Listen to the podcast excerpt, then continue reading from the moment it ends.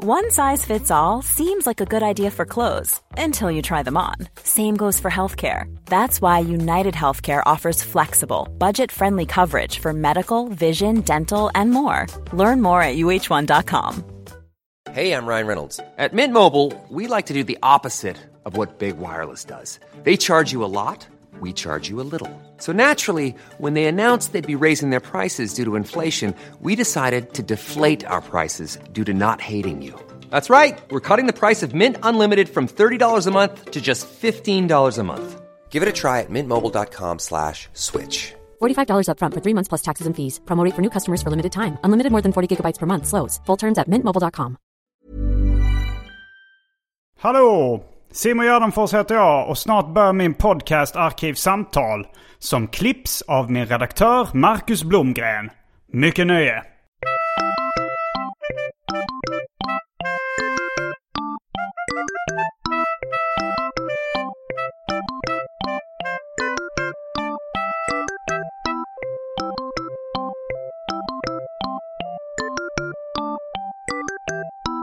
Hej och välkomna till Arkivsamtal. Jag heter Simon Gärdenfors och mitt emot mig sitter Fredrik af Trampe. Det stämmer bra det. Välkommen hit. Tack så mycket. Eh, Du är... eh, du, får, du får nästan fylla i själv vad du är. En kort presentation för lyssnaren. Ambulerande clown brukar min sambo säga. Det är väl en ganska bra Mm. summering. Inte jättebra summering. Alltså så, du är med, jag skulle säga att eh, ambulerande nöjesvetare Ja, är ja, bättre. Det, ja, det är nog bättre. Ja, precis. Nej, jag har ju min hemliga dröm om att jag någon gång ska våga testa stand-up. Men det, Mm. då kanske jag kan säga ambulerande clown och verkligen menar det. Eh, nej, men jag är journalist i grund och botten. Men ja, ja, vad gör jag? Jag har hållit på en del som musiker också. Och jag gör, jag gör min egen podd, Della Morta, ihop med Kalle Lind. Och jag jobbar med en del andra poddar som researcher och sånt där. Och jag har profilerat mig ganska mycket på nöjeshistoria eh, och populärkultur. eh, Artefakter och kuriosa och sånt. Mm. Och idag så ska du få ställa dig eh, i ledet Mm. av alla som har berättat om vad de tycker är det bästa i livet i den här podden. Ja, det ska, det ska bli skoj. Jag ska bli lite personlig kanske. Sådär som jag brukar ha väldiga problem med att vara i poddar. Alltså det är väldigt skönt att göra en podd med Kalle Lind, för att vi gör ju det inom den här underproduktion-koncernen. Eller jag, alla heter ju inte Della, men vi heter Della. Och där ingår det lite att man ska ställa frågan, vad har hänt sen sist? Och det kommer jag ihåg att jag tänkte i början, helsike, hur ska det gå? Jag tycker att det är jätteobekvämt att prata om mitt privatliv. Men det visar sig så skönt att det är ju Kalle också. Ja. Så vi pratar ytterst lite om våra privatliv Nej, det är ofta, jag lyssnar, jag är en inbiten lyssnare av Della Morta. Så, eh, men det är också så här, vad har hänt sen sist? Det är så här, ja men jag har researchat Karl Gerhard. Ja, men och så är det liksom, pratar ni om, om det i en halvtimme. Ja, ja. Du får hitta våran Så take det- på det. Oh, men det, är, oj. ja, men det är lite så det blir. Jag vet inte, jag är inte... Jag, jag, Men det, det är ju, det är ju, alltså jag har ju tvärtom verkligen eh, försöker och är väl kanske mer bekväm med att prata om mitt privatliv än vad folk är i allmänhet. Ja. Men det är ändå vissa trösklar som eh, man måste kliva över som jag tycker är jobbiga ibland. ja. Och frågan är ifall de, vad de egentligen, om det är mycket av det är ganska mycket tvångsmässigt beteende. Jag tror att viss, i vissa fall så funkar det som underhållning när man pratar mycket om sitt privatliv. Men i många fall så är det folk, det är inte alla som vill höra det.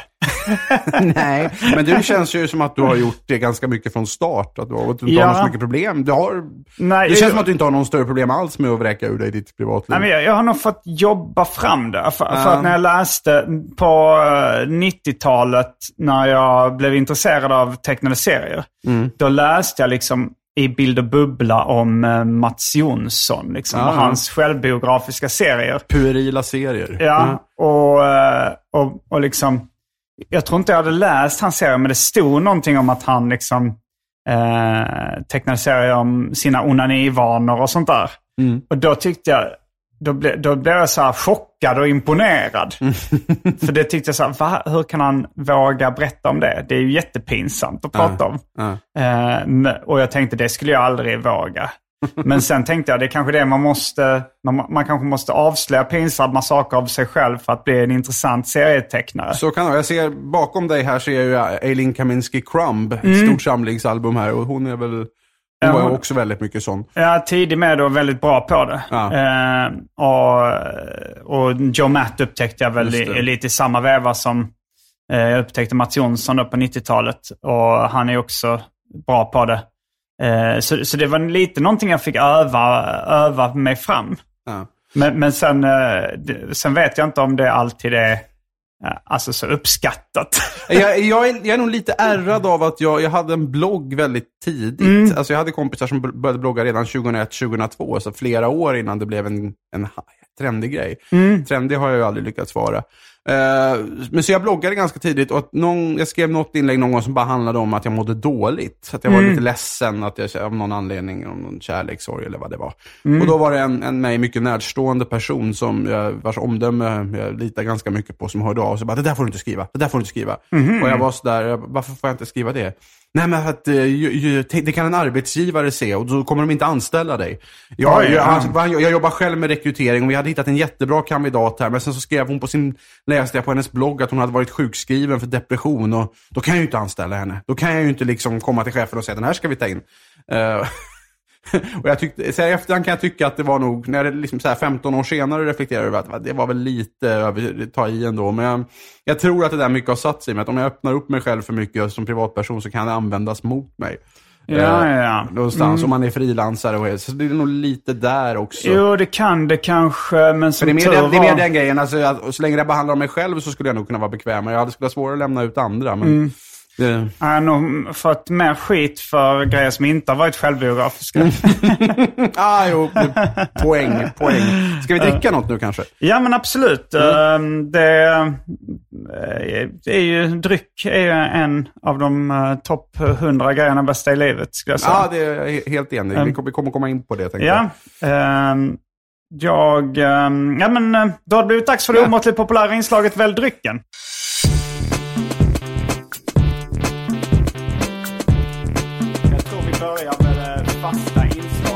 Välj drycken. Jag tänkte att du skulle glömma vignetten där när du satt med listan redan. Men det var tur att du inte gjorde. ja, det var en himla tur. Annars jävlar, du hade eh, Facebookgruppen fått Ja, spela. då hade jag fått eh, höra om det sen. Nästan glömt väl drycken. Till hälften glömt väl drycken. Jag hörde förresten några gubbar som satt och pratade som, eh, apropå uttrycket, att få höra det. Så, här. eh, då var det så "Nej, jag är inte, han, det var någon gubbe som sa, nej jag kan inte hoppa i säng med henne. Då hade man fått höra det av frugan sen hemma. Och då kände jag så här, väldigt avslappnad, alltså så här, avslappnad till otrohet ändå. Att man bara får höra det sen. Ja, eller vad, jag blir jättenyfiken. Är det, är det otrohet eller har de ett öppet förhållande så att han kommer behöva berätta? Det kan vara så också. Att han, De kanske har den här dealen att de får ligga med andra, men då måste, då måste man berätta det för varandra. Och då kanske det är så att då måste han, han kan tänka sig ligga med henne, fast att hon eventuellt då, det finns någonting hos henne som han inte, som ja, är lite motbjudande för honom. Men det kanske... Men då måste han berätta det för frun sen som en del av dealen och då blir hon, åh helvete, låg du med den frulen? Får han höra det? Vecka ut och vecka in. Jag tror du överskattar de här gamla gubbarnas uh, frigjordhet på något sätt. Det, det var som jag gick in i en tå, eh, tågkupé på SJ, eller då restaurangvagnen. Och så satt en, en fem gubbar i, i 50 till 60-årsåldern. Och precis när jag kom in så avslutade någon en, en, eh, jag vet inte om det var en punchline eller bara de hade pratat och han, han sa HBTQ-frågor och så skrattade alla. Ja. Och när jag berättade för Simon Käppen Svensson så sa, så sa han ja men de kanske, de kanske var väldigt eh, woke sådär. Det kanske var någon av dem som sa så här, ja de eh, idioterna på ekonomiavdelningen de har ju noll koll på HBTQ-frågor. Och så skrattar alla och tar dumma. Det känns som en, också som en generös tolkning av Simon Sumpen Svensson. Mm, men eh, eh, nu har det blivit dags för alternativen i Välj dryck i alla fall. Yep. Det finns en väldigt stark uh, starköl som heter Dubbel Trubbel Starköl. Oj, Som är 8%, 8,1 procent. Oj, oj, oj. Sen finns det Fanta Zero, mer passionsfrukt, Malibu, Passoa. Två sorters Nicka whisky från eh, landet Japan. Eh, bourbon av märket Bullet Bourbon. Grand Marnier, Dry Martini, vodka, rom, champagne. Alkoholfri Heineken. Blossa starkvinsglögg. Häxblandningen, det vill säga alla drycker som fanns i min kyl innan genomgick en så kallad corporate rebanding. Rebanding? Rebranding. Och för tråkmånsar och nejsägare, vatten. Oj, det här var ju fruktansvärt svårt. Mm. Eh, för att jag, direkt efter att jag har spelat in det här så ska jag ju sätta mig och skriva ett långt jävla Della Morta-manus om Sten-Åke Cederhök. Så jag kan inte bli hur påstruken som helst. Nej. Annars låter det den där ölen, den där starkölen vill man ju testa bara för att Mm. då. Men det vette fan. Vad hade du för alkoholfritt? Fanta Zero, mer passion. Mm. Ehm, sen, eh, ja, en alkoholfri öl finns det. Och så eh, vatten. Vad var det för alkoholfri öl? Heineken. Heineken, fuck that shit, Pabst Blue Ribbon. Eh, David Lynch-citat. Mm.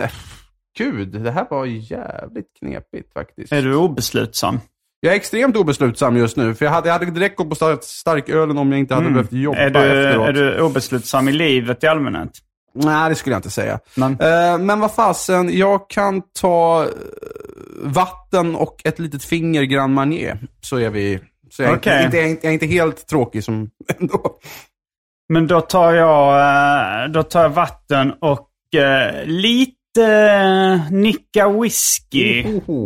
Som den här Coffee Grain som jag tror är slut på Systembolaget. Den, Ja, vänta, den, har du köpt den ganska nyligen? För jag vill minnas att jag provat Nicka Whisky hos dig förr. Men det, det finns olika sorter. Aha. Men just den här Coffee Grain som jag sa var den bästa. Jag, Okej. tror, jag tror det var Arkivsamtal-effekten. Att när jag och Jonas Strandberg pratade om dryck Mm. så blev den slutsåld. Men då gör jag så att då ändrar jag min order. Då tar jag också den och så vatten till det. Jag stryker Grand Marnier. Yes. Då är vi strax tillbaks med dryckerna kända från det omåttligt populära inslaget Välj drycken. Häng med!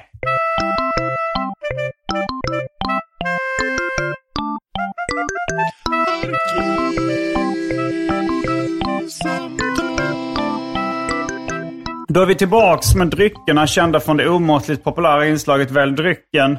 Vi sitter med varsin Nicka whisky och eh, jag la till en side order av Fanta Zero. Du sjös- smörjer där lite med Fanta Zero. Jag har smort med vatten. Kan man testa Mm. den här?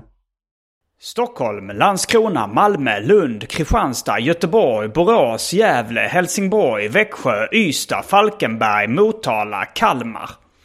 Det är några av ställena jag kommer till och kör stand-up.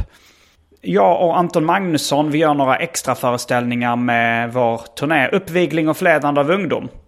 Och det är sista chansen att se den nu. Eh, vi kör igång i mars igen med den.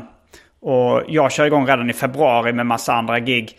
Så de brukar ju sälja slut ibland och folk brukar bli lite bittra när de missat showerna. Så gå in redan nu på gardenforce.com och köp biljetter till de showerna ni vill se. Är du ett whisky-fan? Eh, jag kan tycka att det är gott, men jag kan inget om det. Nej, jag kan inte mycket om det heller. Men... Men det var, men det var, det var gott, absolut. Jag är nog... Vad var det för någonting? Det var en sorts choklad... Eller vad sa du? Ja, det, det, är, det är egentligen en japansk eh, blended whisky. Men eh, den heter Coffee Grain. Men den har ingenting med kaffe att göra egentligen. Jag tror det är bara att de har köpt en eh, utrustning från eh, någon skotsk släkt som heter Coffee i efternamn. Coffee. Jaha, ja, ja, ja, såklart. Mm. Ja. Nej, men den var, den var god. Det var den. Men den är ju lite, den påminner lite, den är ju lite chokladig. Mm. Ändå. Ja, som jag du sa. Ja. Yes. Yes. Eh, du, vill, vill du eh, kasta dig handlöst in på din lista över de bästa sakerna i livet? Ja, men det kan vi göra. Men då, kan göra- då har jag en grej här som jag kan börja med som... Ska jag placera papperna? Jag gör så här, vänta. Så att jag ser, så där gör vi. Jo, nej men... Eh, ja, men då kan vi ju ta en grej på det temat då som jag har på min lista. Eh, att vara alldeles lagom alkoholpåverkad och känna sig fruktansvärt klarsynt. Det tycker jag är en jäkligt härlig känsla. Och, och Du jag- känner dig klarsynt när du... Ja, alltså, Ja, lite som, jag tror Olle Ljungström som pratade apropå sitt drickande. Att han, han sa, jag gillar när det blir lent, inte så mycket friktion. Nu ska man kanske inte citera Olle Ljungströms förhållande till alkohol just på en lista över det bästa i livet. Men jag, jag kan definitivt identifiera mig med det. Och då är det ju lite roligt att jag, jag har ju aldrig varit liksom principnykterist. Men jag har alltid druckit väldigt, väldigt lite. Eh, och, och jag var ju liksom nästan i praktiken helnykterist fram tills jag var kanske 30 eller någonting. Mm. Nu dricker jag ju långt mer än vad jag någonsin har gjort tidigare i livet, men det är fortfarande så. Jag tror att om man slår ut det så är det väl kanske en drink varannan vecka eller något, något sånt Ja, det är inte mycket. Nej, det är inte det. Och då eh, samlar du ändå i viss mån på spritflaskor. Ja, just det. Jo, jag Det gillar har ju... jag lärt mig i podden Mina vänner-boken. Just det, det stämmer. Jo, nej, men jag, jag gillar att, det är mer, kanske mer en estetisk grej och jag gillar att ha ett bra barskåp. Mm. jag, jag gillar ju drinkar. Jag gillar att kunna blanda många olika sorters drinkar. Ja. Men jag blandar dem så jäkla sällan. Eh, men sen, och det är en fördel då att jag menar, köper jag en flaska, nu tror jag inte att jag har blå Curacao, men säg att jag skulle köpa det, då, skulle det, då tar det ju några år att använda upp den eftersom jag dricker så jävla sällan. Ja, den här eh, Grand Marnier Mm. Ja. eh, som jag köpte, den har stått där. Jag köpte den för att eh, det var någon drink på Tiki Room i Stockholm Mm. som, som innehöll Grand Marnier. Alltså det var någon, deras variant av Pina Colada. Okej. Så jag köpte den specifikt för det tillfället. Men den, den går ju långsamt liksom. Den går, även, även om jag tycker att det är en av de bästa likörerna som finns. Och det, det, där ska ju, vad ska man ha med Grand Marnier efter maten? Kaffe, liten skvätt Grand Marnier och så har du eh, sån här Anton Berg marsipanbröd och doppar i Grand Marnier. Det är, oh, gud vad gott det är. Är det något av det bästa i livet? Det skulle jag lugnt kunna säga. Nej, bara- nej men alltså, men, det där, jag gillar känslan av att man har druckit kanske två glas vin eller två glas vin och kanske lite, lite sött i kaffet eller något sånt där. Så att man inte, man är inte asberusad. Man kommer inte vara bakis dagen därpå heller. Det är en, en bonus. Men man känner, det känns just liksom lent, friktionsfritt och man tycker, man har någon sorts känsla av just då att man är så jävla klarsynt och vet precis hur allt ska vara och hur man ska fortsätta i livet. Lite som när du tuggar svampar i den där eh, Simons 120 dagar. Ja, en illusion av eh, insikt eller någonting beskriver Ja. jag det som. Att det, det är ju inte någon riktig livsinsikt. Nej, men jag, det får, det jag har fått för mig att nu kan jag se allting så tydligt. Ja. Just i den stunden så är man helt jävla delusional och allting känns Och du kan få det liksom- på alkohol alltså? Ja, det kan jag få. Eh, Det får inte vara för mycket. Alltså, det, ska, det ska helst bara vara liksom några glas vin, kanske lite dessertvin, kanske en liten skvätt av en whisky eller konjak eller sådär. Men inte, inte mer än så. Men Mm. då, då kan jag ha liksom den där medvindskänslan. Och det är där det pikar egentligen. Sen när jag börjar känna den känslan, då känner jag, nej men då blir det ingen mer alkohol ikväll. Det, då vill jag inte ha mer. Var det två glas vin? Ja, säg två glas vin. Man kanske kan byta ut det ena mot en öl. kanske. Salongsberusad. Ja, precis. precis. Ja, men lite, ja, precis. Salongs... eh, För mig det var, du har, du har väl jobbat med Filip och Fredrik? Ja. Det var någon av dem som sa i en podd att, eh, alltså så skulle säga vilket är det bästa stället eh, på jorden. Mm. Eller så här, var är ditt favoritställe? Och så eh, hade någon av dem svarat var som helst efter två öl. Ja, ja men... ja, ja, men det var lite mer to the point. Men det var ungefär det jag försökte komma fram Jo. till. Men det är verkligen fan, jag, kommer, det var ju, jag hade ju under några år här någon kris och någon idé om att jag skulle skola om mig och bli läkare istället. Vilket Mm. åtminstone tillfälligt är nedlagt. Men det var ju alltid efter de där två ölen eller de där två glasen vin och det lilla söta till kaffet som jag verkligen kände, ja men det är klart jag ska. Det är klart jag ska bli doktor. Det är Aha. fullständigt självklart.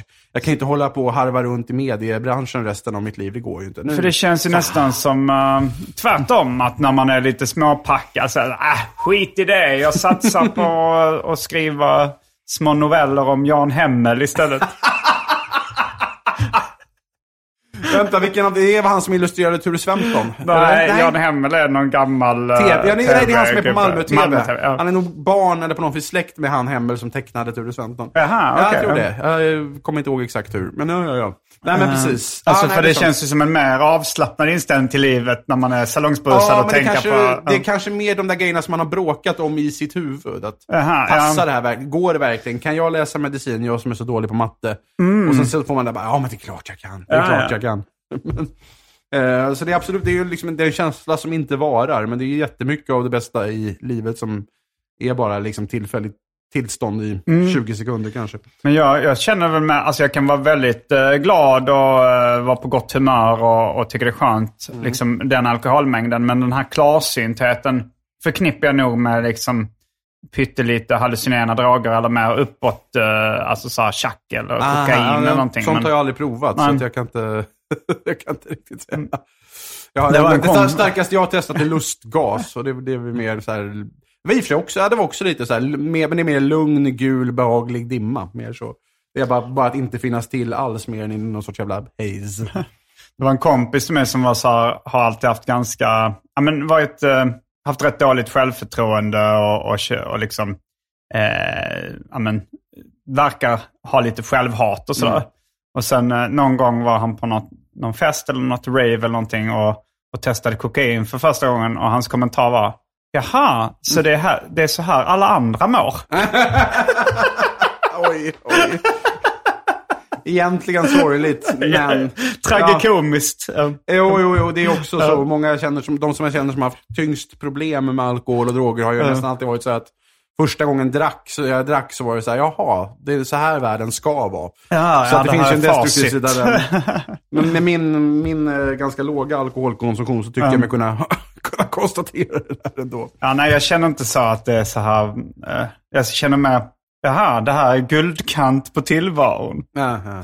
Men sen, så, sen det tar ju lite tid också att inse att man får ofta betala i bakfylla och annat ungefär lika mycket som man vann i... Jo. Det, det, Jo, men det är därför man inte ska bli mer än salongs. Jag avskyr, Men- det är också, jag avskyr att vara bakis. Ja, och sen så är det väl också liten snålhet som, som spelar. Ska jag lägga liksom så här mycket pengar på mer alkohol nu, då kommer jag bara må skit imorgon Mm. och det blir ändå inte roligare. Nej.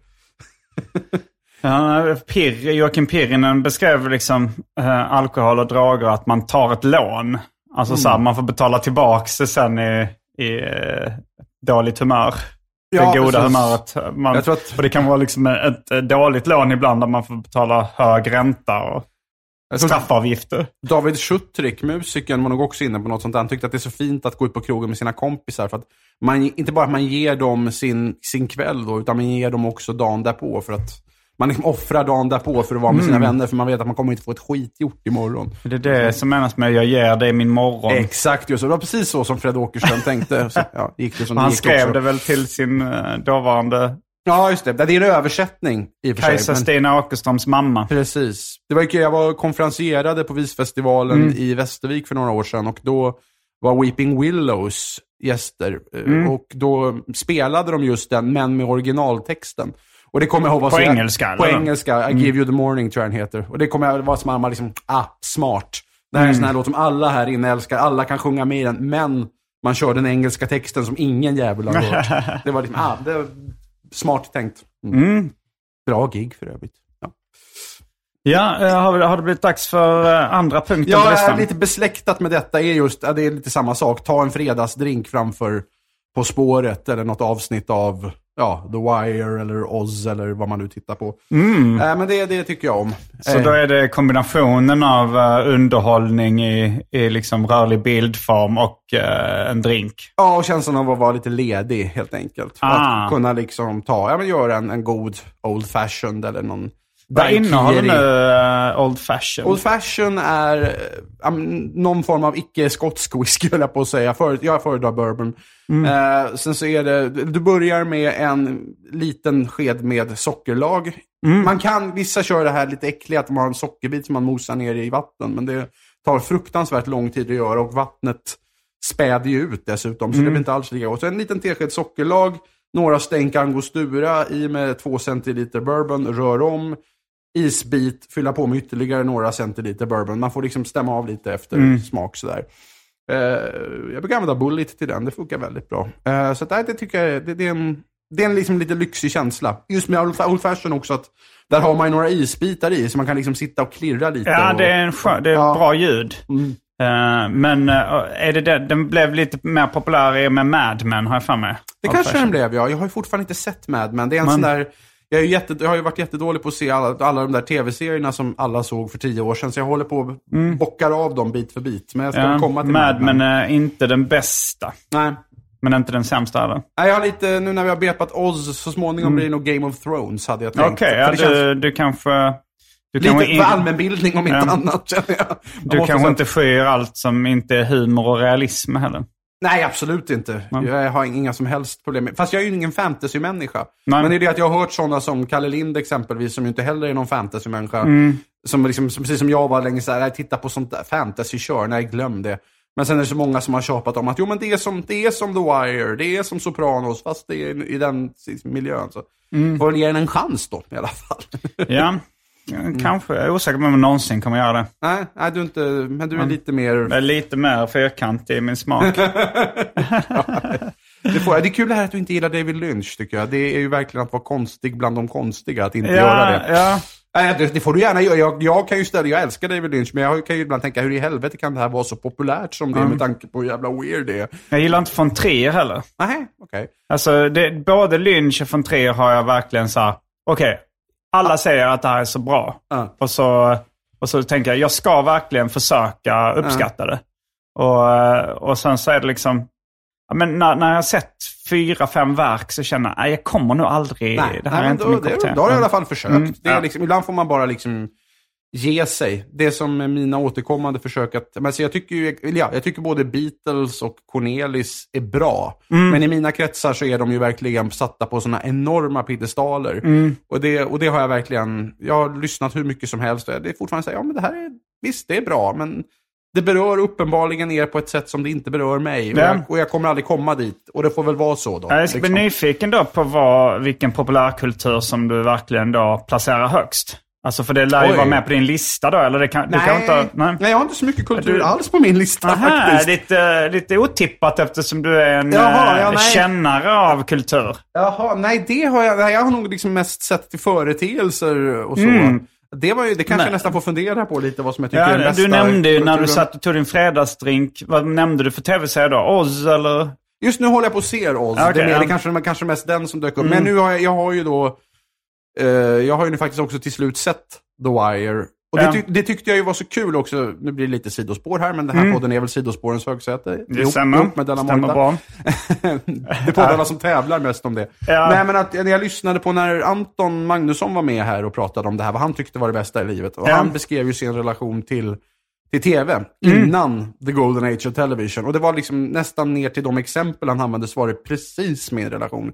Och det här Mm. var på en tid när jag var liksom filmnörd. Sk- jag skrev för filmtidningar, det var det första jag gjorde som journalist. Mm. Läste filmvetenskap, hängde bara med filmmänniskor. Vi pratade aldrig om tv-serier, annat än ja, men vissa miniserier då, som, precis som Anton sa. Lasermannen kommer jag ihåg var en sån där som alla såg. Twin Peaks hade de flesta koll på. Men annars var det liksom tv-serier, vad fan är det? Nej, vi gillar film, vi kollar på film. Det var liksom, jag vet inte om jag föraktade tv-serier eller hur många som egentligen gjorde det, men det var, bara, det var ingenting man någonsin snackade om.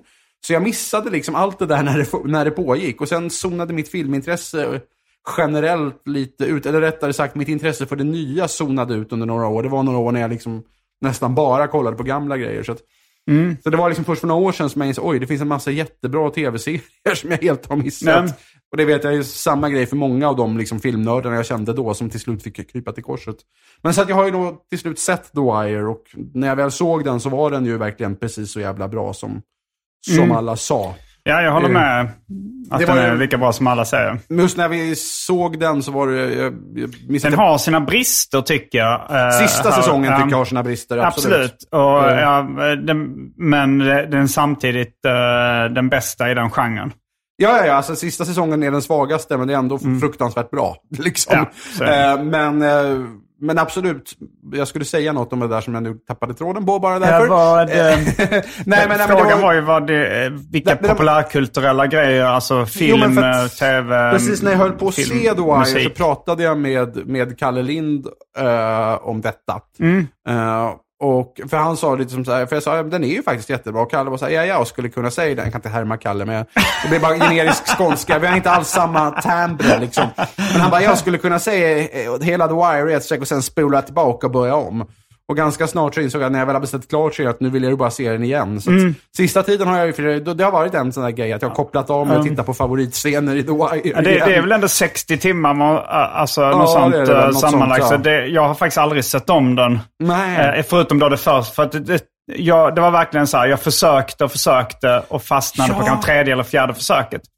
Det, Eh. där, har- och det var också en sån grej som länge höll mig borta från The Wire. Det var så många som sa det. Mm. Att man måste, liksom, måste ge, det, ge det tre säsonger. Jag bara, mm. vad fan. Jag tänker inte lägga 30 dagar på att, liksom, för jag är ju en sån där som aldrig hinner bingea heller. Jag ser ett avsnitt per dag för jag har för mycket att göra. Så jag tänkte aldrig i livet. Men jag tänkte, till slut började jag och jag fastnade direkt. Jag Ja, tyckte det ja. var liksom så... Ja, men du kanske har en annan form av koncentrationsförmåga än vad, vad många har. Det var väl det som att jag zonade ut innan, innan jag blev investerad i det. Så var jag så här, ah, nu orkar jag inte hänga med i... För den kräver ju verkligen det. annat. Ja. Den kräver ju verkligen att man Ja, hänger verkligen. med, för det är jättemycket smådetaljer. Och det öppnar ju också liksom upp för rewatch. Jag sitter och Mm. tittar på mycket nu sist, har det varit andra säsongen, som jag har sett liksom, skummat igenom gamla favoritscener. Och då ser man plötsligt, ah, när, man, när man väl har sett serien, aha, här planterar de väldigt subtilt det där som sen blir en payoff Ja. i sista avsnittet. Men just det här, the Mm. instant rewind. eh, Mhm. det, jag kan komma på två exempel. Det var när, dels eh, när jag var, jag var kanske 15 eller någonting. Mm. Och jag eh, och min storebrorsa och vår kompis Ola hade hyrt en John Waters-film. Jaha. Det var Cry, Cry Baby. Cry Baby, hans, den är väl mest mainstream. Den Ja, ihop- mest, den men och det, var, det var väl också, också därför den var, gick att få tag på i en vanlig Ah, videoaffär. jo, jo. Men när vi såg den så hade vi bara sett den så, och så sa vi så här. Ska vi inte bara se den scenen i början igen? Alltså Mm. första scenen. Och så gjorde vi det och så slutade det med att vi såg hela filmen en gång till. Så det var inte liksom helt planerat att se om det, men, men det blev en instant rewind. Också första gången när jag, jag drack mer passion. Då var den inte sockerfri utan det, det var med socker. Då gick jag in, efter jag ställde mig utanför Pressbyrån där jag hade köpt den och bara sänkte den. Och sen gick jag in direkt och köpte en helt ny till. Jag har bara gjort instant rewind en enda gång. Det var när jag var nio år gammal. Men det var Mm. också... Det var också en för mig ganska liksom in character grej. Det var då såg jag mannen som slutade röka två gånger. ah, på raken. Ja. På rak. Och det var mycket för att jag, det var på sommaren och mina föräldrar jobbade fortfarande. Det Mm. var innan midsommar. Så att jag hade, jag barnvakta bestå av ett äldre par Ja. som mina föräldrar kände. De var jättesnälla. Men de hade liksom inte så mycket i underhållningsväg för mig. Nej. men var det så här, jaha, men det här är en film av de som jag gillar. Gösta Ekman, det är han från Jönssonligan. Ja, men då kan jag se den. Och sen, ja, nu är det fortfarande Mm. några timmar kvar tills mamma och pappa ska komma och hämta mig. Nej, men då tittar jag på den igen då. Så det det är min enda instant rewind. Um, nej, Picassos äventyr är nog en av de, eh, om vi snackar om svenska Mm. ordfilmer, så en av de filmer jag sett flest gånger. Ja, det, jag, precis, jag, låg, jag gjorde nog en grej. Jag såg om man som slutade röka först för något år sedan. För jag gjorde Mm. nästan en grej av att jag såg den två gånger i rad när jag var nio år. Nu ska jag aldrig mer se den. Men till Mm. slut föll jag till föga för något år sedan när jag skulle researcha Kalles, Kalles bok om Hasse Alfredson. Ja, eh, nej, men vi kanske ska gå vidare på listan här då. Mm. Eh, känslan av flow när man står på en scen och det flyter och man känner sig helt jävla odödlig. Mm, det låter trevligt. Och vad tänker måste- du på? I vilken genre? Är det musik eller något annat du Ja, tänker det, på? jag, har ju, jag var ju ute och körde i ungefär tio år som musiker, eller ja, musiker, trubadur och Mm. singer-songwriter. Men jag gjorde också väldigt mycket konferens... Levde du på det då? Nej, för Ja. helsike. det är som att försöka leva på att vara serietecknare, minus alla stipendier. Mm. Eh, nej, men eh, nej, jag levde inte Nej, jag har aldrig levt på det. Och det, det insåg jag väl ganska tidigt att det är ingen idé ens försöka leva på det, för då måste man... Alltså det är inget fel med att, ska man göra den grejen så måste man ju typ, typ åka ut på ålderdomshem och sjunga över Taube och det är inget fel med det och de som vill göra det ska gärna göra det. Men jag insåg att nej, det kommer inte jag vilja göra. Men- Så nej, jag levde aldrig av det. Men, men, det, och som, men som led också att jag är bra på att babbla, va? så jag fick ju göra jättemycket konferenciersjobb också. Och det, blev, det började med som en liten spin, spin-off-grej och sen blev det mer och mer. Det var liksom... Det kunde på riktigt vara så att bokare ringde och undrade om jag kunde komma till den festivalen. Och jag var så okej, ska, är det okej med att ta med en medmusiker? De var så här, medmusiker? Du ska ju prata. Jaha, okej. De, hade inte alls, de visste inte ens om att jag höll på med musik. Aha, Eh, nej, men där, och där är ju verkligen, är det musik, är, går det dåligt, om man står på en scen och framträder och att man känner att det funkar inte, då är det verkligen det trögt, tråkigaste och jobbigaste och jävligaste som finns. Då är det någonting som ett stort stenblock som man ska knuffa framför sig. Men däremot om det går bra, om man liksom känner att fan, jag är bra ikväll, publiken är fantastisk, det blir den här liksom kemin som man inte riktigt kan beskriva. Att det liksom, jag, jag, jag gör en bra kväll, publiken är bra, vi liksom backar upp varandra. Vem var, det, var det började att vara bra är lite svårt att säga. Om det bara var stämningen som var bra från början eller om jag var jävligt, jävligt bra i första låtarna. When you're ready to pop the question, the last thing you want to do is second guess the ring. At Bluenile.com, you can design a one of a kind ring with the ease and convenience of shopping online. Choose your diamond and setting. When you find the one, you'll get it delivered right to your door. Go to Bluenile.com and use promo code LISTEN to get $50 off your purchase of $500 or more. That's code LISTEN at Bluenile.com for $50 off your purchase. Bluenile.com code LISTEN. Many of us have those stubborn pounds that seem impossible to lose, no matter how good we eat or how hard we work out. My solution is PlushCare. PlushCare is a leading telehealth provider with doctors who are there for you day and night to partner with you in your weight loss journey. They can prescribe FDA-approved weight loss medications like Wagovi and Zepbound for those who qualify. Plus, they accept most insurance plans. To get started, visit plushcare.com slash weight loss. That's plushcare.com slash weight loss. Quality sleep is essential. That's why the Sleep Number Smart Bed is designed for your ever evolving sleep needs. Need a bed that's firmer or softer on either side? Helps you sleep at a comfortable temperature? Sleep Number Smart Beds let you individualize your comfort so you sleep better together. JD Power ranks Sleep Number number 1 in customer satisfaction with mattresses purchased in-store. And now, save 50% on the Sleep Number limited edition Smart Bed for a limited time. For JD Power 2023 award information, visit jdpower.com/awards. Only at a Sleep Number store or sleepnumber.com. Men det är musik du tänker på framförallt? Ja, då? nej, men också som konferencier. Mm. Som konferencier var det nog lättare att få det eftersom en, jag tyckte aldrig riktigt om att spela något instrument, men, men det fanns ju inga pengar så jag kunde inte- så ofta ta med mig de där medmusikerna. Fick nej, nej. Stå där och harva med min gitarr, vilket väl lite förtog en del av nöjet, för jag tyckte inte att det var kul att spela gitarr. Eh, men som konferencier var det mycket lättare, framförallt man märker att man har en jättelyssnande publik som man kan liksom man, lite så här, man kan vrida på en arm och de jublar. Ja. Då är, då, det är flowet. är det. Du måste ju få uppleva det en del som stand-up comedian. Ja, absolut. Eh, och det, det, det är precis som du säger att eh, det, det är någon växelverkan. Att om, om publiken eh, är, är trevlig och skrattar och, och sådär så blir man ju själv på bättre humör och då får man en viss charm och blir roligare Ja. så också. Och så, men jo, men eh, det, det håller jag med om. Det är nog, det är kanske få som kan relatera. Det är, det är en väldigt är en liten procent som, som står på scen så ofta. Ja, men du kan ju relatera. Det Ja, absolut. Nej, men absolut. Nej, men det, är, det, är, det, är, där- det, är väl, det är väl någon sorts flow-känsla. Det, kan man, det får uppnå väl andra människor på andra sätt, antar jag. Men det var mycket när den känslan började försvinna som jag insåg att jag nog skulle sluta med, med musiken. Aha. Ehm, det är lite lagt på isen några år. Jag kommer Men- kanske tina upp den isen igen. Jag vet inte, vi får väl se. Men... Vissa gånger kan, eh, alltså man kan ju uppleva den i privatlivet också. Man kanske är på en fest eller en middag eller något sånt och man bara känner att så, ah, vad bra det går. Ja. Liksom, vad folk skrattar åt det jag säger, folk tycker jag är rolig, folk lyssnar eller är intresserade. Det, då kan man också få en sån flow-känsla. Ja. Det, det, var ju så här, det finns ett Seinfeld-avsnitt där, jag tror det handlar om Leave on a high note. Att, att eh, det är väl George som inser det. att man ska göra som de gör i Las Vegas. Alltså så här, när, man, när man har sagt någonting bra så ska man bara tack så mycket och gå därifrån. Ja. Och det visar sig att eh, det var någonting som Larry David eh, gör i verkligheten. För hans, eh, eh, han är gift om sig för något år sedan.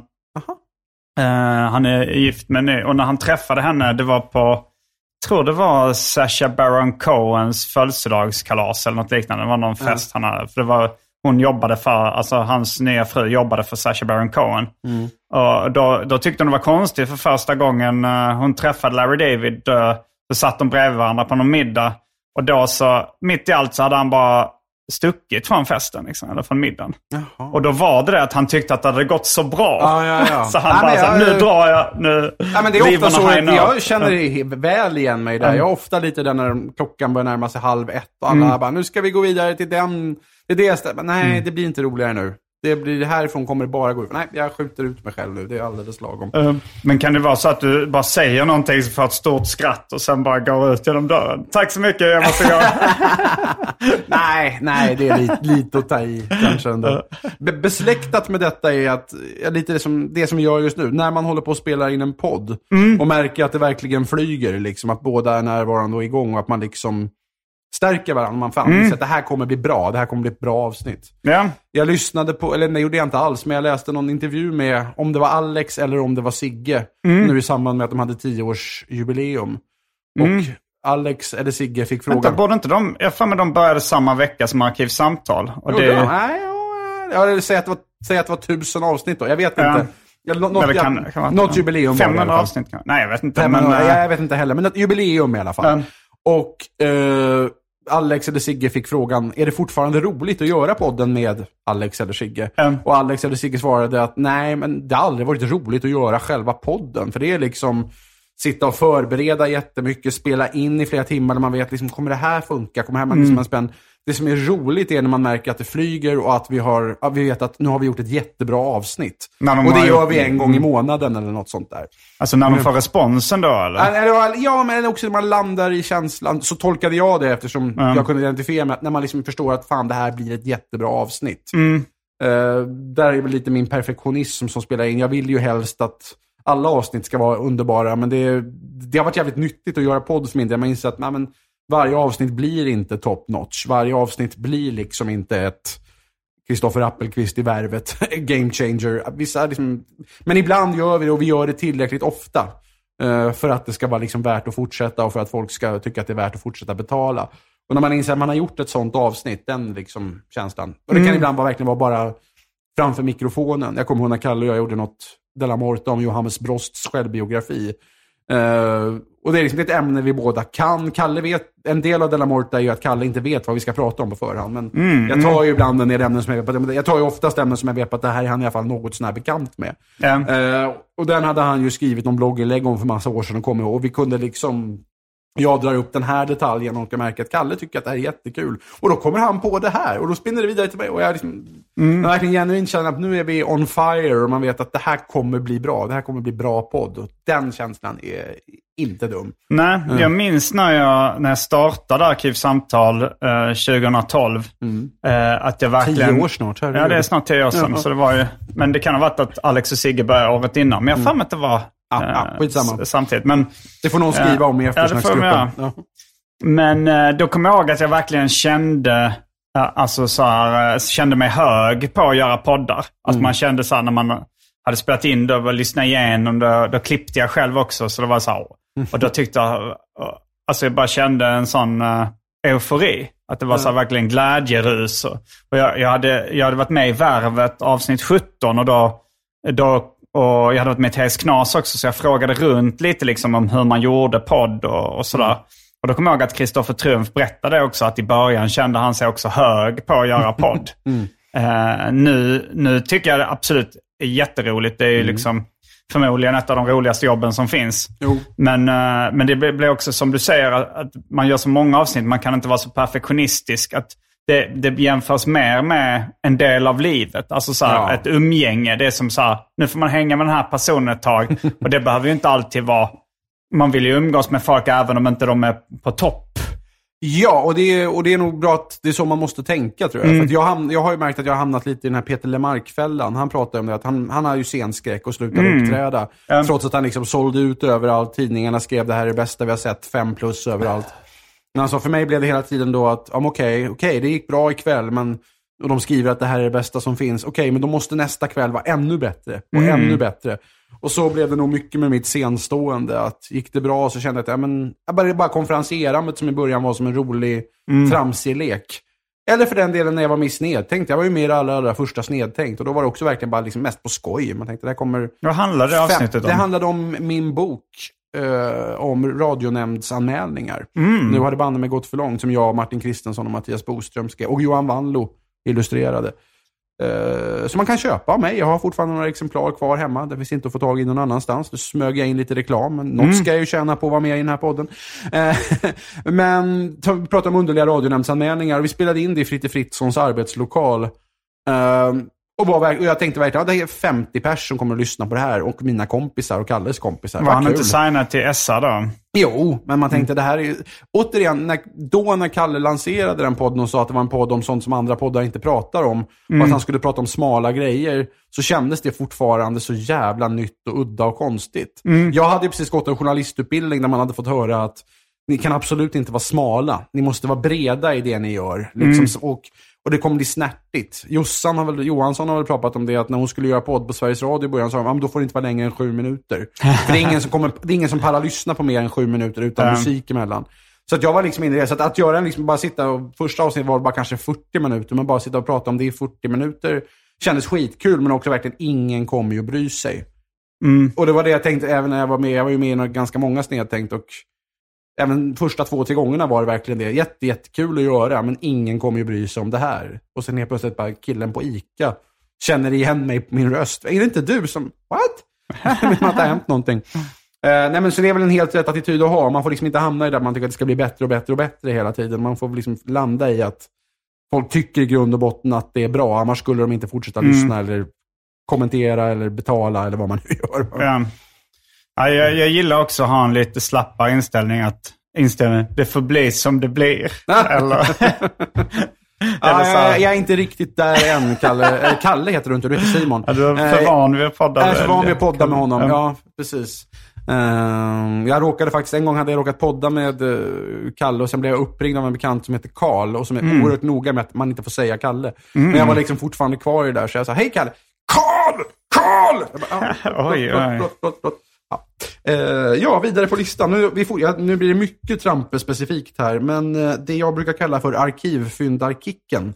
Mm, det kan jag tänka mig. Ja. Det, det här hade jag nästan eh, väntat mig. Jag tänkte nästan det, ja. Mm.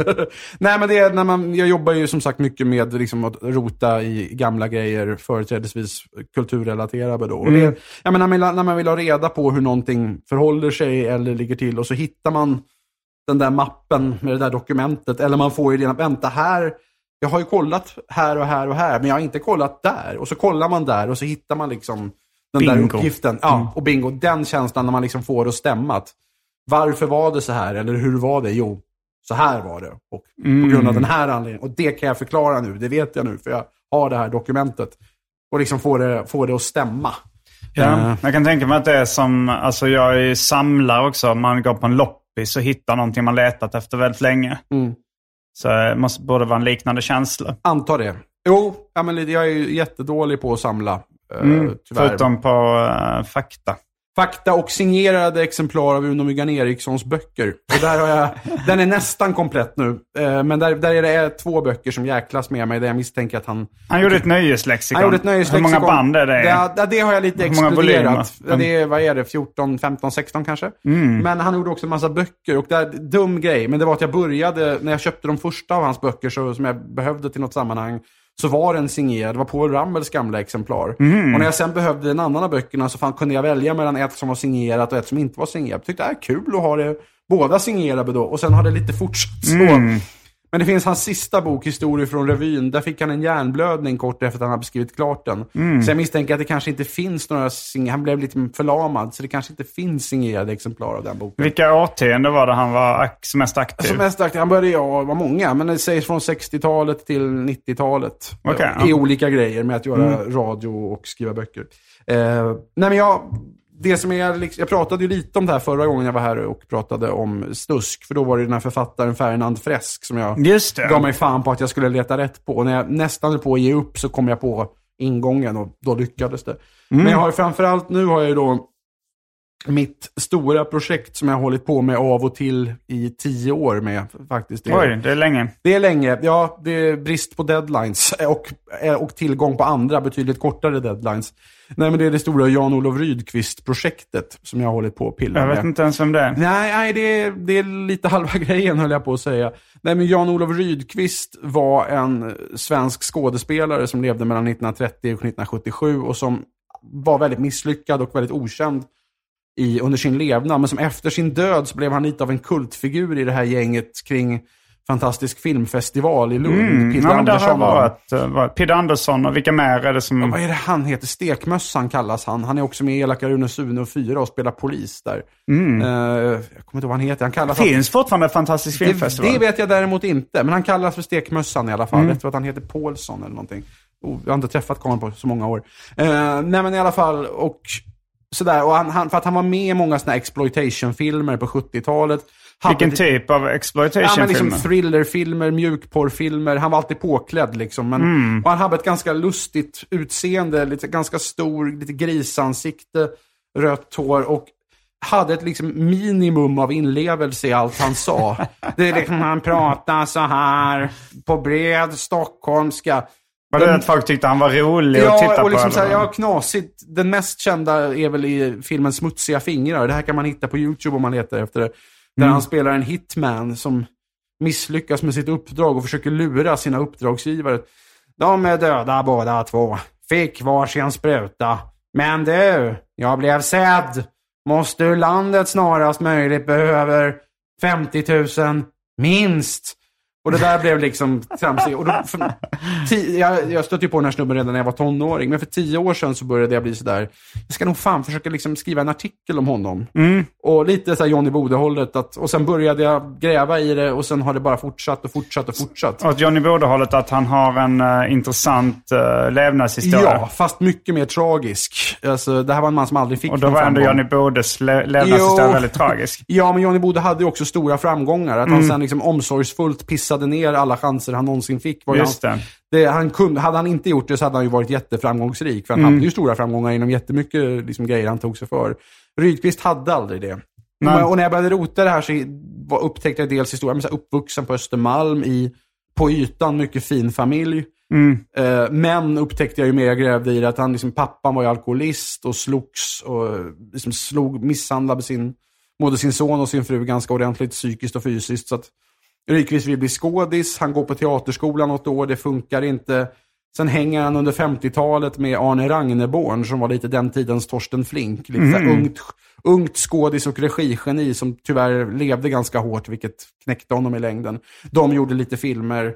Han ville gärna slå igenom själv som liksom, manusförfattare, så han skrev ett manus som faktiskt svensk filmindustri köpte. Hasse Ekman, just Ekmans pappa, regisserade det. Men den blev ingen framgång och framförallt... Det släpptes ändå. Ja, den, den stöten heter den. Men tyvärr fick inte Rydqvist spela huvudrollen. Han hade tänkt sig att det här skulle bli hans genombrott. Men, han Ah, fick, men det blev ingen, den blev ingen succé och han fick inte den där rollen som han så gärna ville ha och som alla var eniga om att den skulle inte han klara av.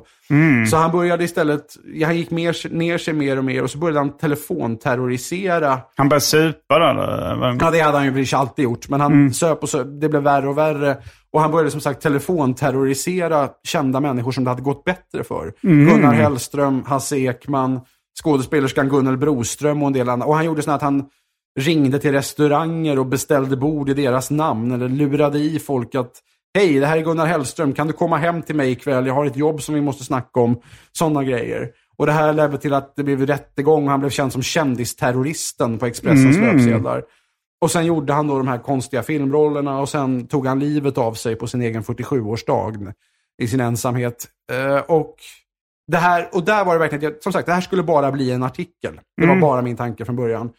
Men jag upptäckte ganska snart att nästan alla som kände honom närmare var ju döda. De hade sen, sen länge. Och när jag pratade med de som kom ihåg, levde var för liksom mest ytliga bekanta, som nästan alla sa när jag ringde upp att Rydke, ja den obehagliga jäveln. eller, någon, eller någon, en som jag ringde som som gammal... titel, boktiteln, underrubriken. Ja, eller en, en annan som jag ringde, en gammal klasskamrat från den här teaterskolan. Hon, hon var så här, ja men jag är lite upptagen just nu, men kan du ringa mig om en timme? Men vem var det du ville prata om? Ja, så Jan-Olof Rydqvist. Oj. Alltså bara du säger det namnet så får jag kalla kårar. Oj!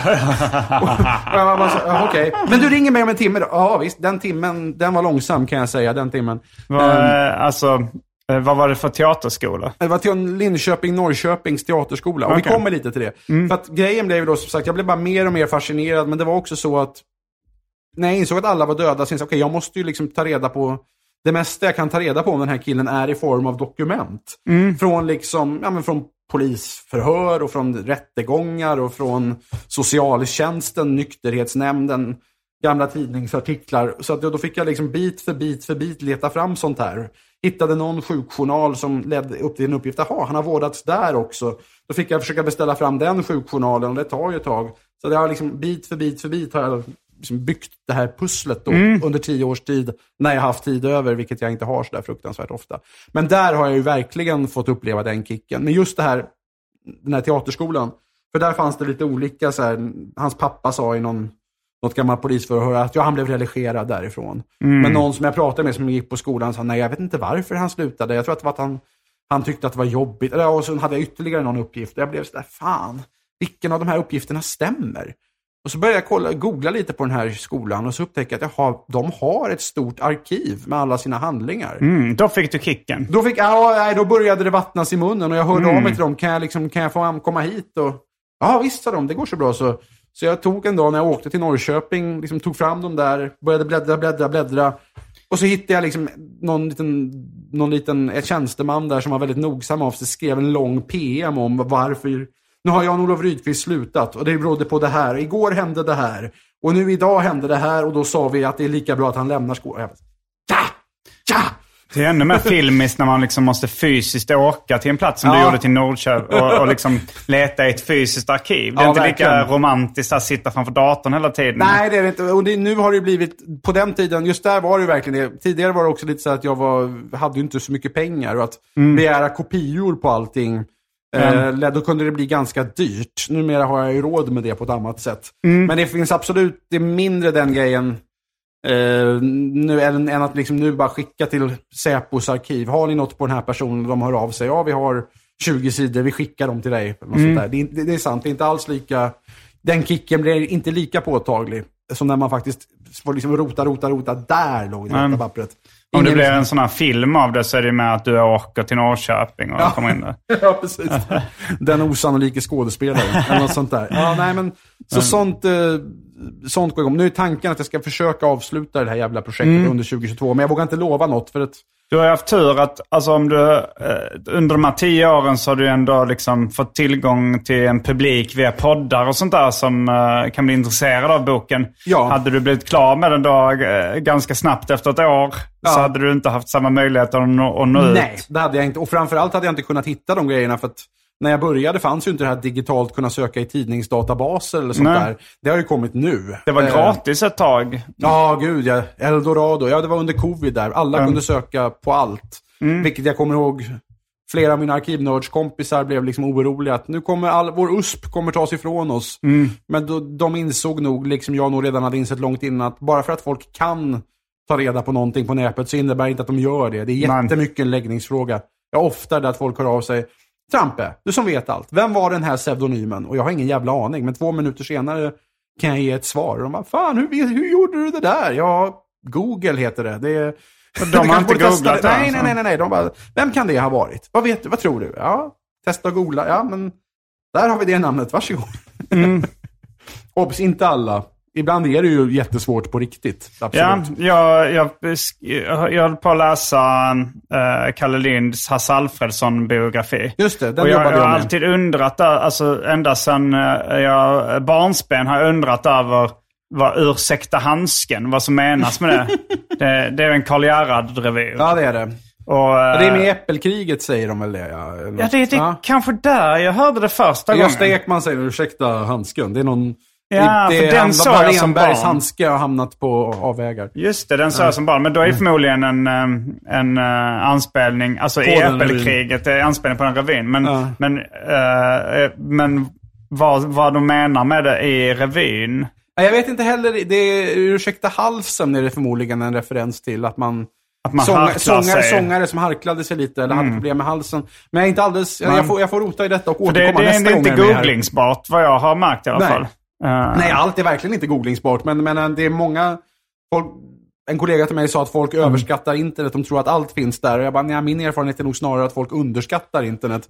Men absolut, vissa saker är absolut inte enkelt Johannes googlingsbara. Finnlaugsson får alltid eh, små utbrott över svenska internet. För han tycker att när man försöker ta reda på något sånt här på liksom, amerikanska internet Mm. så, är, så finns det alltid. Men i Sverige är internet så litet och folk, det finns inte Aha. lika många intresserade. Så att han... eh, jag menar, han, Och då, och då, är, då är det ändå Palmemordet han håller på med. Där finns det ju jättemånga Jo, intresserade. men och- det, det kan ju vara sådana här saker som då att man inte kan ta reda på vad, vad som menas med ursäkta handsken. Ah. Som är en ganska känd revy ändå. Eh, men eh, Jag ska återkomma, jag ska kolla Mm. detta tills nästa gång jag är med. Ska vi gå vidare på listan? det gör vi. Eh, att ha fullständigt ledigt och bara kunna ta det lugnt och läsa böcker. Mm. Och det Och då är är- ändå ditt jobb att, läsa böcker. Jo, det är det, men att kunna göra det på ett lite oansvarigt sätt. jag säga. Nej, men jag läser ju jättemycket böcker i jobbet, men det är just i jobbet. Jag läser Mm. böcker med liksom prestations... Nu läser jag den här boken om Ernst Rolf så att jag ska kunna göra en podd om den sen. Ja. Men eh, jag hörde, apropå just Mina vänner-boken, ehm, Robin Berglunds utmärkta podcast, där vi väl båda två har varit med. Ja. Ehm, där, där var ju Jeppe Röndahl med någon gång Mm. fick just någon sån där fråga om, om ledighet och avkoppling eller sånt där. Och han var så här, ja, eh, jag kan inte härma Jeppe heller, men kan, jag kan försöka. Ja, ja, vi har, säg att vi ska, säg att jag ska ha en vecka ledigt. Och då säger jag till Maria att "Ja, nu har vi en vecka ledigt här. Och då säger hon att ja, men då åker vi till Duved och åker skidor. Och, jag- och då säger jag det är inte lady. Det är idrotta ju. Alltså, lady för mig, det är att jag har inga pengar. Jag låtsas som att jag har inga pengar. Men jag har världens bästa dator. Eller jävligt mycket böcker. Ja, det, det, det, halvdan. Jag vet, Maria Agerhäll-imitationen var ännu sämre. Men Jag skulle säga att eh, du är bättre på att imitera Sven Melander när du försöker imitera Jesper Rönndahl. än när du försöker imitera Sven Melander. Ja, okej, ja men då så. Då jag, jag, jag bjuder på det. Eh, och ja, men lite så jag kunde känna igen mig i relationen till ledigt. För mig är ledigt inte primärt kanske, jag, kan, jag har rest en hel del och det kan vara kul också. Eh, Men att liksom bara stänga av, ha en dag där jag behöver liksom inte göra något konstruktivt Nej. idag. Jag kan bara ta jag kan läsa en bok som inte ska användas till någon podd. Någonting som jag bara tycker är kul. Jag kan dimma bort någon timme på att titta på någon, någon klipp på YouTube. Jag behöver inte känna den stressen. Sen har jag inte så jävla många sådana dagar nu. Med. Men det är ju det, nu har det ju precis varit jul. Och mm, jul, det är ju nästan grejen med jul för mig. Jag älskar i och för sig hela upptakten och jag tycker om juldagarna också. Men det bästa tycker jag nästan är liksom mellan sig annandag jul och trettonhelgen när det liksom inte händer så mycket och det är helt okej att liksom dimma bort dagar på att titta på tv-serier och läsa böcker och sova länge och sådär. Det, sen blir jag rastlös jävligt fort och som frilansare så har jag inte råd att ha så många sådana såna perioder. Men det, nej, det, då känner jag mig nog liksom som mest fri och tillfreds. så du vill, vara, du vill egentligen vara hemma med liksom böcker och dator och sånt om du är ledig? Det är det som är Ja, skönast. i, nej men som sagt, det kan vara kul att resa. Men det kan också... Det kan vi också komma till. Då kan vi knyta ihop det med nästa punkt på lilla listan. Eh, Eller hur länge har vi hållit på? Vi babblar. Jag tänker Jag har hållit Vi... på en timme nu. Aha! Så eh, om vi eh, har en kortis så kan vi ta det innan. eh, vi, vi kommer ju fortsätta prata om det här i det Patreon-exklusiva delen antar jag.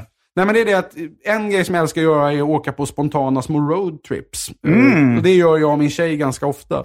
Ja. Eh, ja, men jag kan ta ett exempel nu i höstas här så hade vi liksom någon sån här dag när vi bara hade praktiskt pillande och hade varit och köpt grejer till hushållet och stått och frostat av frysen. Mm. Och det var rätt bra väder ute och framåt eftermiddagen kände vi att nej, det är lördag idag, vi har hållit på med det. Fan, nu behöver vi göra något kul, något Mm. trevligt här. Och det var det är bra väder, det är fortfarande liksom lite sommarfeeling fast det är september. Och jag sa, nej men då gör vi så här, vi, vi åker ut, vi tar bil och åker ut till Vaxholm och tar en kopp kaffe på det där fiket vi gillar och så driver vi runt lite där och promenerar och tittar, på, tittar i butiker och sådär.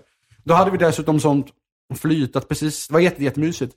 Men när vi skulle åka hem till, till Stockholm så kollade vi trafikläget och upptäckte att de har stängt av vägen mellan Vaxholm och Stockholm i någon timme framöver. Och då var vi så här, "Ja, nej det går inte det. Nej men vad fan, då går vi på Stadshotellet och äter middag. Där, det är ju jättetrevligt. De har ju bra mat på Stadshotellet.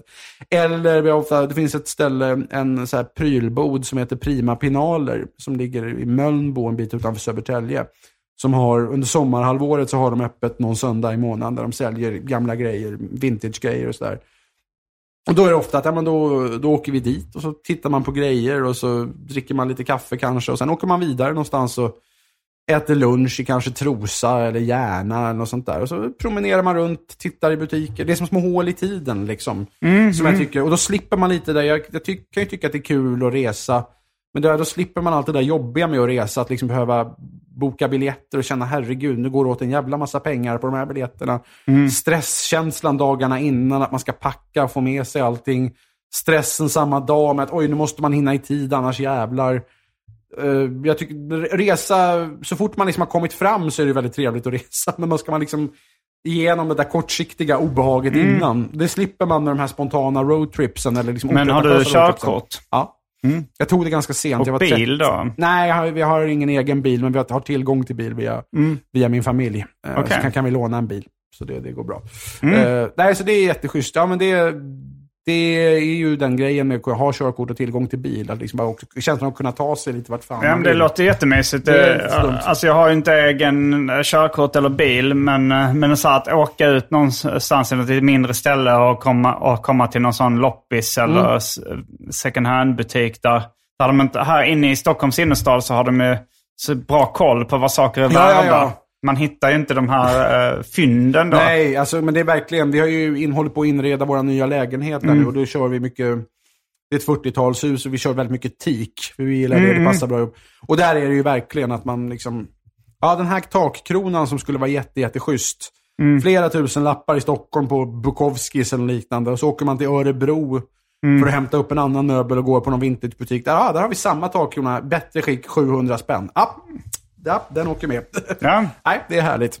Men eh, då har vi hållit på, då kan, det är ju kul det där att prata om körkort. Det kanske vi ska fortsätta med i det på Patreon-exklusiva avsnittet. Det, det var inte världens bästa eh, försäljningsargument.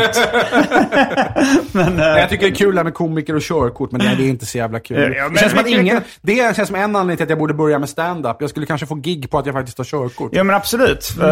Eh, eh, Problemet är att speciellt- jag inte har så mycket humor, men det är en annan. Det kanske Jo, man kan det- lära sig.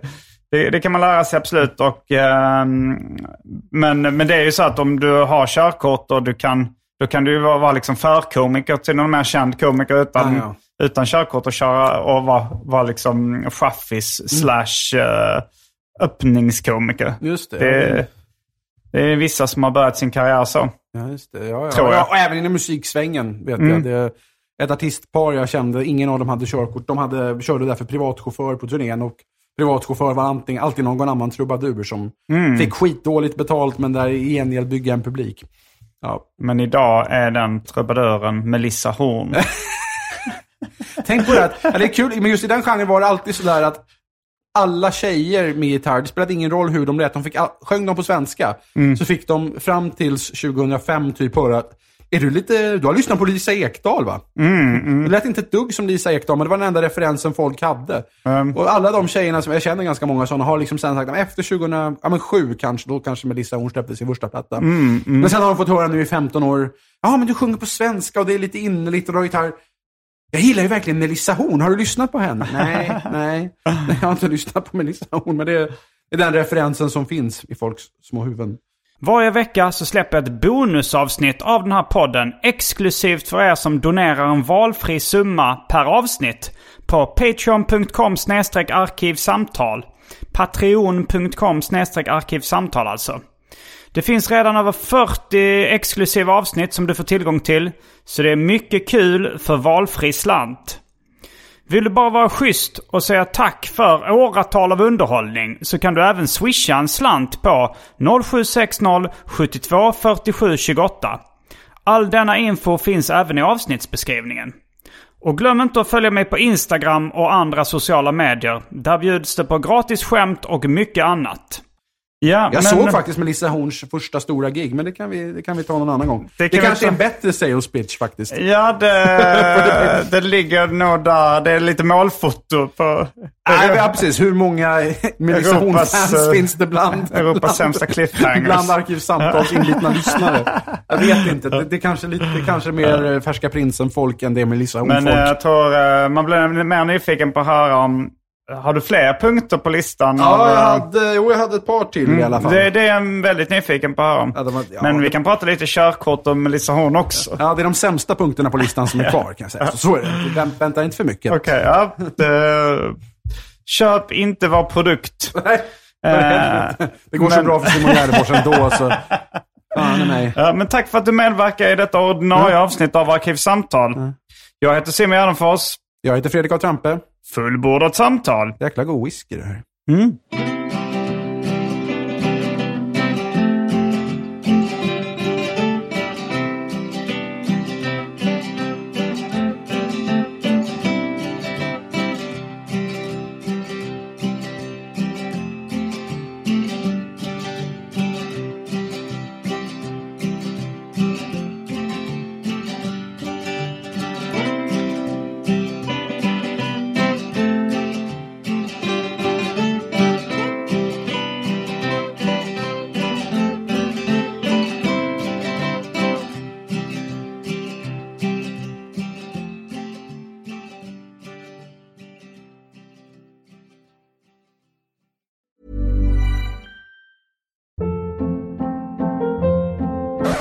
Up. What was that? Boring. No flavor. That was as bad as those leftovers you ate all week. Kiki Palmer here, and it's time to say hello to something fresh and guilt-free. Hello Fresh. Jazz up dinner with pecan-crusted chicken or garlic butter shrimp scampi. Now that's music to my mouth. Hello Fresh. Let's get this dinner party started. Discover all the delicious possibilities at hellofresh.com. Planning for your next trip? Elevate your travel style with Quince. Quince has all the jet setting essentials you'll want for your next getaway, like European linen, premium luggage options, buttery soft Italian leather bags, and so much more.